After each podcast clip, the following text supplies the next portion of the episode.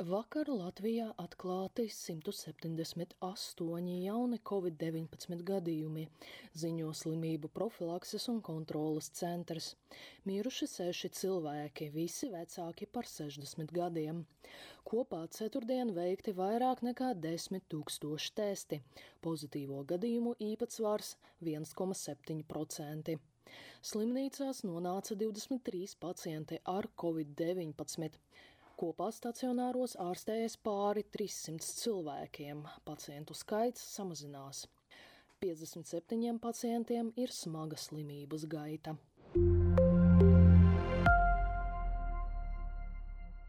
Sociālajos tīklos turpina maldināt par vakcīnu bīstamību.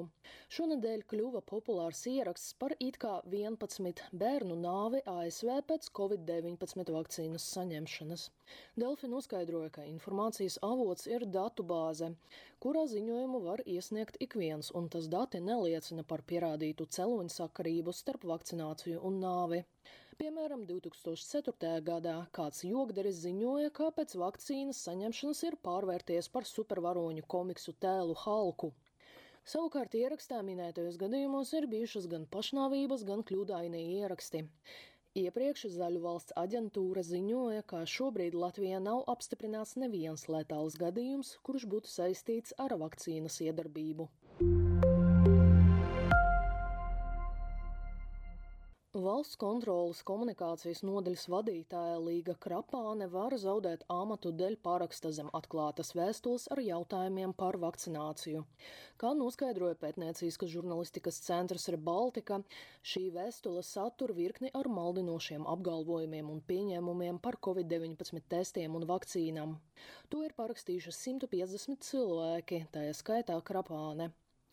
Viņa Latvijas avīzē pastāstīja, kā darba devējs esot viņai piedāvājis izbeigt darba attiecības, taču valsts kontrolieris Rolands Irklis uzsvēra, ka darbiniece nav atlaista.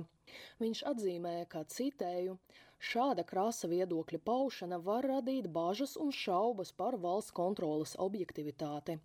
Savukārt Krapāne ir pārliecināta, ka konfliktu izdosies atrisināt, jo darba likums aizliedz diskrimināciju dēļ darbinieka pārliecības. Ēdinātāji priecājas par atvieglojumiem restorānu un kafejnīcu darbā, bet uztraucās par to, kā tie darbosies praksē, ziņo Leta. Valdība vakar atļāva apkalpot klientus restorānu un kafejnīcu iekštelpās, ja tiem ir derīgs Covid-19 certifikāts. Hesburgera Līdo un vairāk saules vadītājiem ir jautājumi par to, kādas būs prasības pret darbiniekiem un kā tieši jānotiek Covid certifikātu pārbaudēji. Covid-19 dienas apskatu sagatavoja Ksenija Kaļiesņikova, portāls Delfija.